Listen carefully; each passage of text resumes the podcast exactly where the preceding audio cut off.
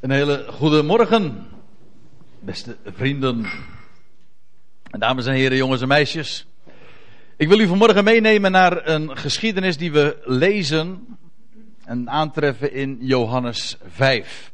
En de geschiedenis is betrekkelijk bekend, maar als er erom gaat, ook weer vrij onbekend, maar dat geldt voor zoveel Bijbelpassages. Ik denk wel eens een keer, de meest bekende zijn tegelijkertijd ook de meest onbekende. En dat geldt ook voor een geschiedenis als deze. Kijk, als, eh, als verhaal, als historie, want zo lezen we de Bijbel. Het is een beschrijving van dat wat gebeurd is, maar niet wat zomaar een verhaal wat ontsproten is aan de fantasie. Nee, het is een gebeurtenis met allerlei details erbij die van belang zijn, omdat het zo gegaan is. Maar wat blijkt, is dat er in al die details zo'n enorme sprake uitgaat en vooral een profetische betekenis in gelegen is. En daar wil ik u vanmorgen heel graag op wijzen.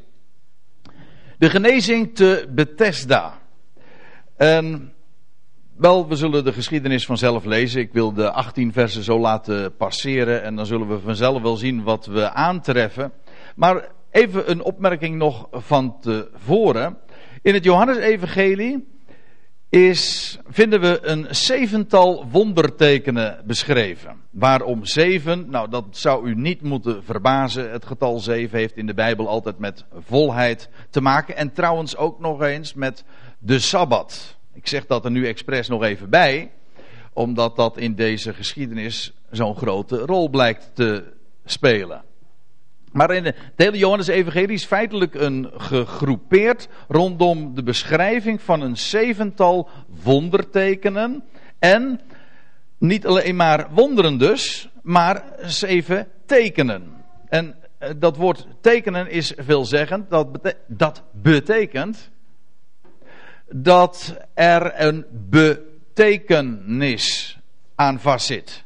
Een wonder is iets wat doet verwonderen. Een teken is iets wat betekenis heeft. Wat naar iets of naar iemand of naar allerlei zaken verwijst.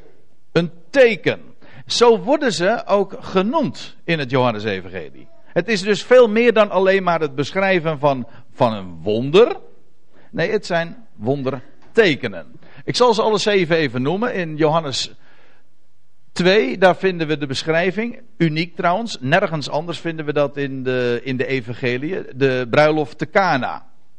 Weet u wel, op die derde dag dat de Heer Jezus water te wijn, in wijn veranderde. Dat is een schitterende geschiedenis. Prachtig wonder. Maar het is een teken. Alles staat in het Johannesevangelie. Dat kan ik er ook alvast wel eventjes aan vastplakken. En aan, aan koppelen. Namelijk het gegeven dat alles verwijst naar de Zoon van God. De Messias, de Christus. Ik, en, ja, ik kan het met mijn eigen woorden zeggen, maar ik zou het ook met de woorden eh, kunnen zeggen die Johannes zelf aangeeft. Namelijk aan het einde van zijn evangelie. En dan zegt hij van, ja, deze tekenen zijn beschreven opdat gij gelooft. Ik citeer even uit het hoofd. Maar opdat gij gelooft dat, Johannes 20 vers, wat zal het zijn? Nou, weet ik niet. Ergens aan het eind van Johannes 20. Uh, eh, deze tekenen zijn beschreven opdat gij gelooft dat Jezus is. De Christus, de Zoon van God en opdat gij gelovende het leven hebt in zijn naam. Al die tekenen die daar beschreven worden in het Johannes-evangelie, die hebben te maken met, en die te maken met, met Jezus, dat is logisch, maar om aan te geven en te bewijzen dat hij de Christus is. De beloofde Messias. En dat hij degene is die werkelijk leven aan het licht brengt. Al die tekenen geven dat aan. En het, ze geven ook allemaal nog aan hoe Israël ooit tot die erkenning zal komen en het leven zal ontvangen. Johannes richt zich ook heel uitdrukkelijk tot de besnijdenis. En over de hoofden van hen heen, van Israël heen, luisteren wij gewoon mee en verlustigen wij ons in datzelfde woord. Maar neem niet weg, hij, hij, hij adresseert zijn boodschap juist ook aan Israël. Goed. Die bruiloft te Kana, laat dat zien. Op de derde dag was er een bruiloft. Ja, ik zou in de verleiding kunnen komen om daar al wat over te vertellen. Doe ik niet. Ik wil ze alleen even zo aanstippen. De genezing van de zoon van de hoveling in hoofdstuk 4. De genezing te Bethesda, daar gaan we het nu vandaag over hebben. De spijziging, een hoofdstuk later, van de 5000. Uh, in hetzelfde hoofdstuk nog dat Jezus die gang maakt over het meer. Vers, uh, of het zesde teken, de genezing van de blindgeborene. Dat lange hoofdstuk 9. Een prachtige geschiedenis die we uitsluitend ook bij Johannes aantreffen die ook precies aangeeft en op een schitterende wijze illustreert dat de, Heer, dat de Messias degene is die de ogen zal openen van het volk dat blind is. Maar je kunt natuurlijk in het algemeen zeggen, hij is degene die de ogen opent. En dan vind ik het zo mooi, ik kan het niet nalaten om het even aan te stippen. Maar dan lees je in Johannes 9 van die blind geboren, die zijn hele leven dus al vanaf de geboorte blind was. Dan, dan, dan wordt, ja, eh, daar begint die geschiedenis dan mee van, ja, waarom is die man nou blind? Dat is de vraag die Jezus krijgt. Weet u wat Jezus dan zegt?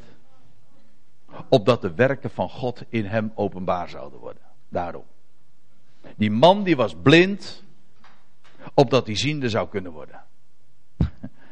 Wij, wij, wij keren het meestal om, wij zeggen van ja, hij, hij, werd, hij werd ziende omdat hij blind was. Dat is wel zo, natuurlijk.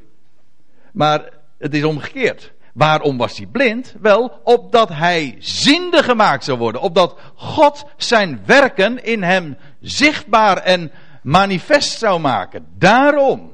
Dat is trouwens het, mooiste antwoord, als je het mij vraagt, wat je kunt geven op waarom nou dat leed en het kwaad in de wereld. Wel heel eenvoudig opdat de werken van God openbaar zouden worden. Johannes 9. Uh, eh, dan het zevende wonderteken, dat, is in hoofdstuk, dat vinden we in hoofdstuk 11, de opwekking van Lazarus. Ja. Daar gaan we het allemaal niet over hebben. Wij lichten er vandaag één geschiedenis uit, wel, en wel het derde wonderteken dat we vinden in hoofdstuk 5. Nou laten we gewoon bij het begin beginnen.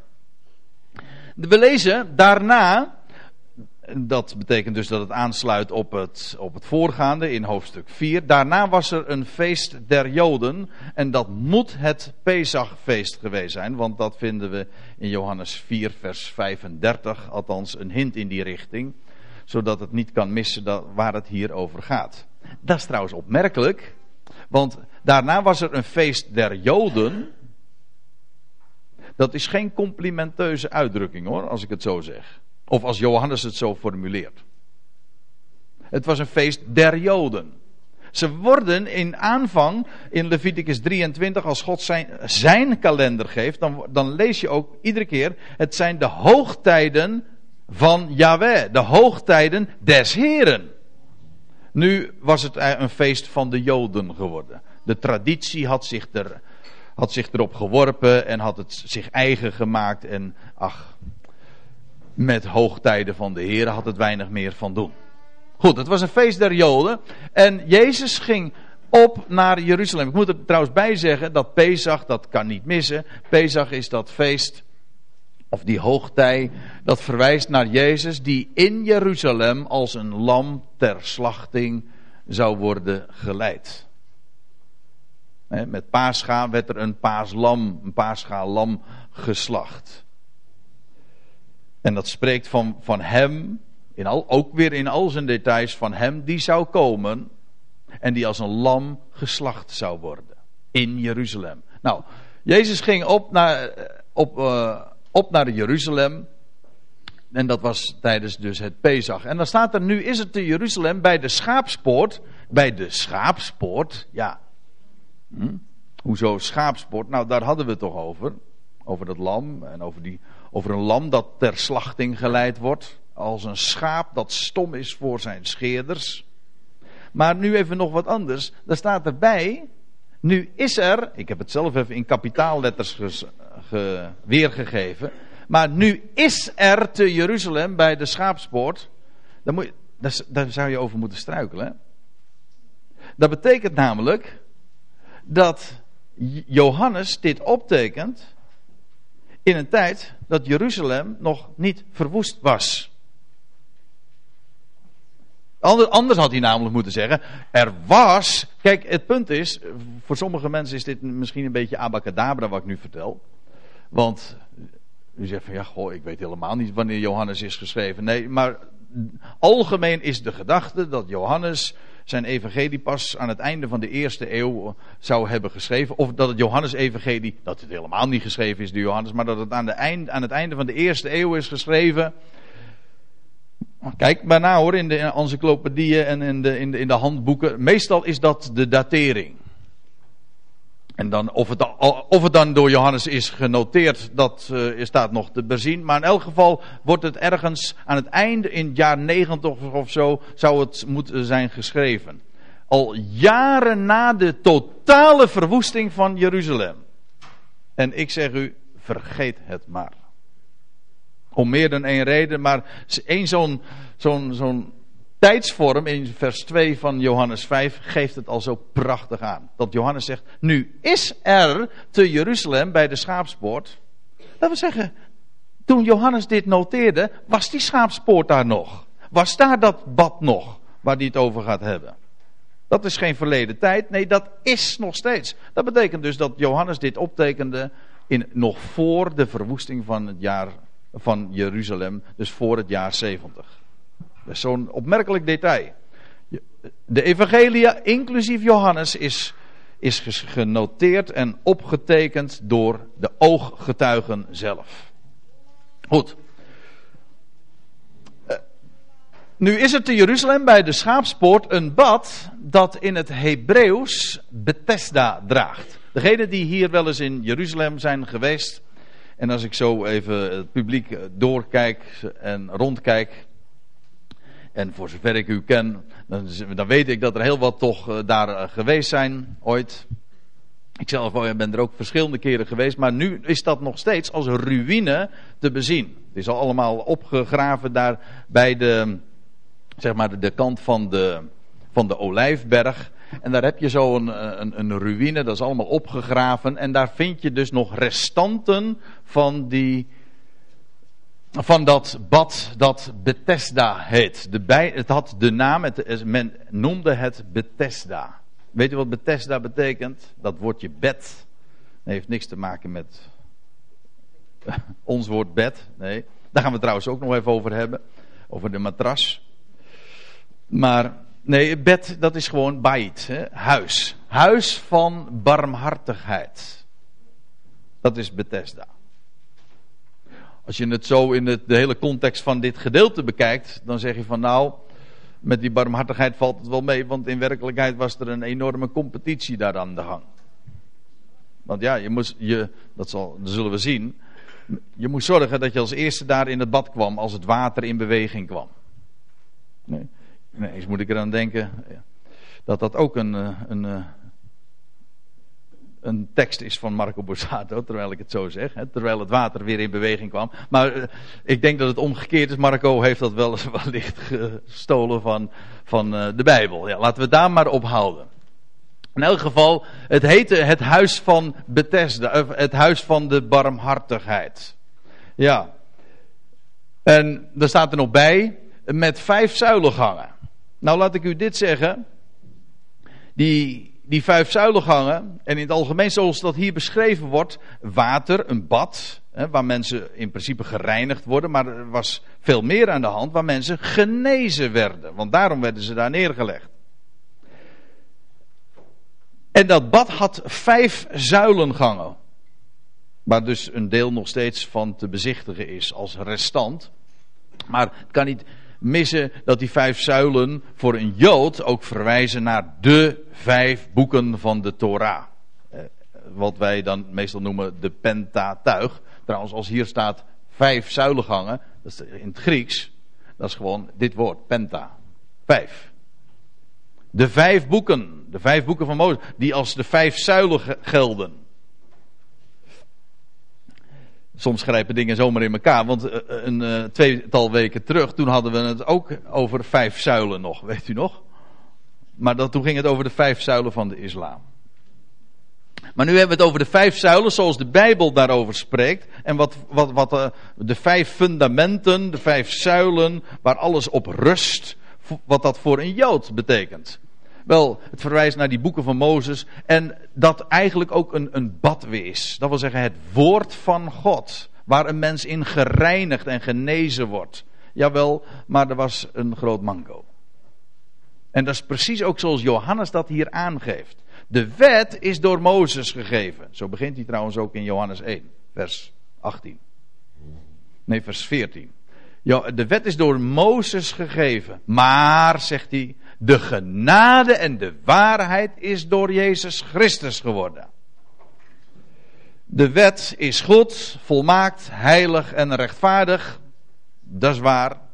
Maar het is uiteindelijk niet in staat om een mens barmhartigheid te bewijzen. Door eigen werken of door competitie. En deze man die hier lag, zoals we dat zullen zien, is daar het levende bewijs van. Goed, daarin lag, dat wil zeggen in dat, in, in, dat, in dat huis van Bethesda, in dat huis van barmhartigheid, daarin lag, letterlijk was neergelegd, uh, ja, ze waren helemaal overgeleverd aan de genade van andere mensen. Daarin waren neergelegd een menigte zieken, blinden, verlamden en verschrompelden, die wachten op de beweging van het water. Er was iets met dat water, met dat badwater aan de hand. Want staat er dan in vers 4: Van tijd tot tijd daalde een engel des Heren neer in het bad. En dan bewoog het water. En wie er dan het eerst in kwam, na de beweging van het water, werd gezond. Wat voor ziekte hij ook had. Wat hier beschreven wordt, dit vers ontbreekt in verreweg de meeste handschriften. Dus, dus zeer discutabel of dat inderdaad door Johannes is opgetekend. Vermoedelijk niet. Of is het erbij geschreven. Alhoewel ik erbij moet zeggen, kennelijk was dit wel het, het algemene uh, geloof over dat bad. Dat er inderdaad van tijd tot tijd een engel in dat bad neerdaalde en dat water in beroering bracht. En de eerste die daarin kwam, zich inwierp, ja, die werd genezen. Ongeacht wat zijn achtergrond of ziekte ook was. Dat blijkt, want als we straks vers 7 zullen lezen, dan zullen we zien dat dat inderdaad de, de situatie was. Dus of vers 4 nou wel door Johannes is opgetekend of niet, dat maakt voor de, in de praktijk geen verschil, want dit was inderdaad het, het idee wat men had. dus want van tijd tot tijd daalde een engel des Heren neer. Dat betekent, want, zo werd gedacht, van tijd tot tijd daalde een engel neer. Nou, daar was dus iets, eh, iets bijzonders met dat water aan de hand. En vandaar die, die, die, die grote menigte van allemaal zieke mensen, gehandicapte, blinde, verschrompelde, lamme mensen, die daar waren neergelegd. En dan lees je in vers 5, en daar was een man die reeds 38 jaar lang ziek was geweest.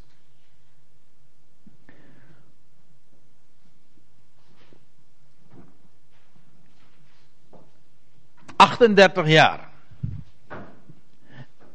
We hadden het al over diverse andere details. Bethesda, vijf zuilen, eh, die vijf zuilen. Maar hier komen we weer, komen we weer op iets op het spoor. Die 38 jaar. Waarom wordt dat er nou bij vermeld? En dan kun je zeggen, nou gewoon, die man die was 38 jaar uh, al, al ziek of verlamd. Ja, dat is waar. Dat zou in principe